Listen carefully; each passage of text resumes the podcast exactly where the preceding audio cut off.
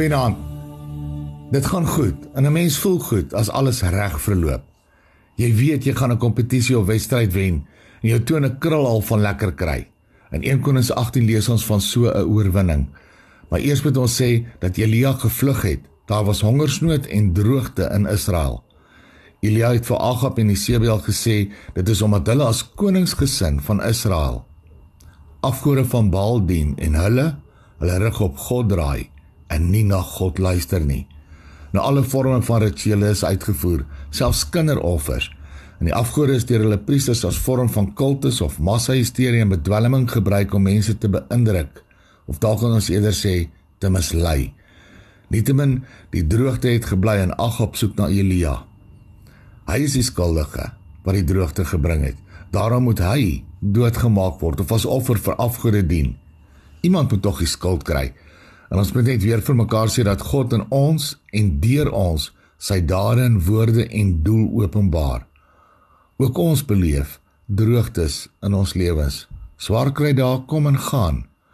En so het God vir Elia teruggestuur om Agab te ontmoet. En Elia moes gesug het want hy het geweet hulle wou hom offer of doodmaak. Nou kan jy sy angs en huiwering besef. Nee o nee Here. Ek gaan nie. Hulle gaan my doodmaak. Ek kan nie ernstig wees nie. Wel Elia het God gehoorsaam en toe hy Agab ontmoet, word hy sommer dadelik gevloek. Is jy die besweerder van Israel? En Elia in sy eer gekrenk het aan Agab God se uitdaging bekend gemaak. God se kompetisie. Bring twee bulle en laat die profete hul bul eerste kies en sit dit op julle altaar of braai rooster. Baie hout, maar die hout mag nie aangesteek word nie.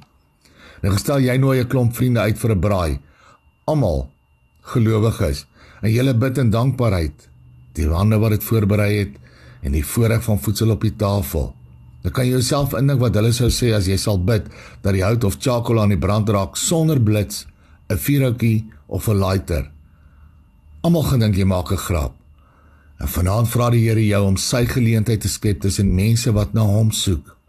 Die wat twyfel die wat nie glo nie en die wat seer het en die wat huiwerig is want hulle sal oortuig word. Hy self sal die vuur aansteek die liefdesvlam in elkeen wat na hom vra. Hy vra nie meer offers nie. Hy vra na jou. En mag jy vanaand hom dank vir die geleenthede wat hy vir jou skep om sy almag te bewys. Jy is sy vuurhoutjie tussen mense met jou geloof diens en gebed mag God jou altyd gebruik sodat hy die eer kry. Amen. Nag se Here.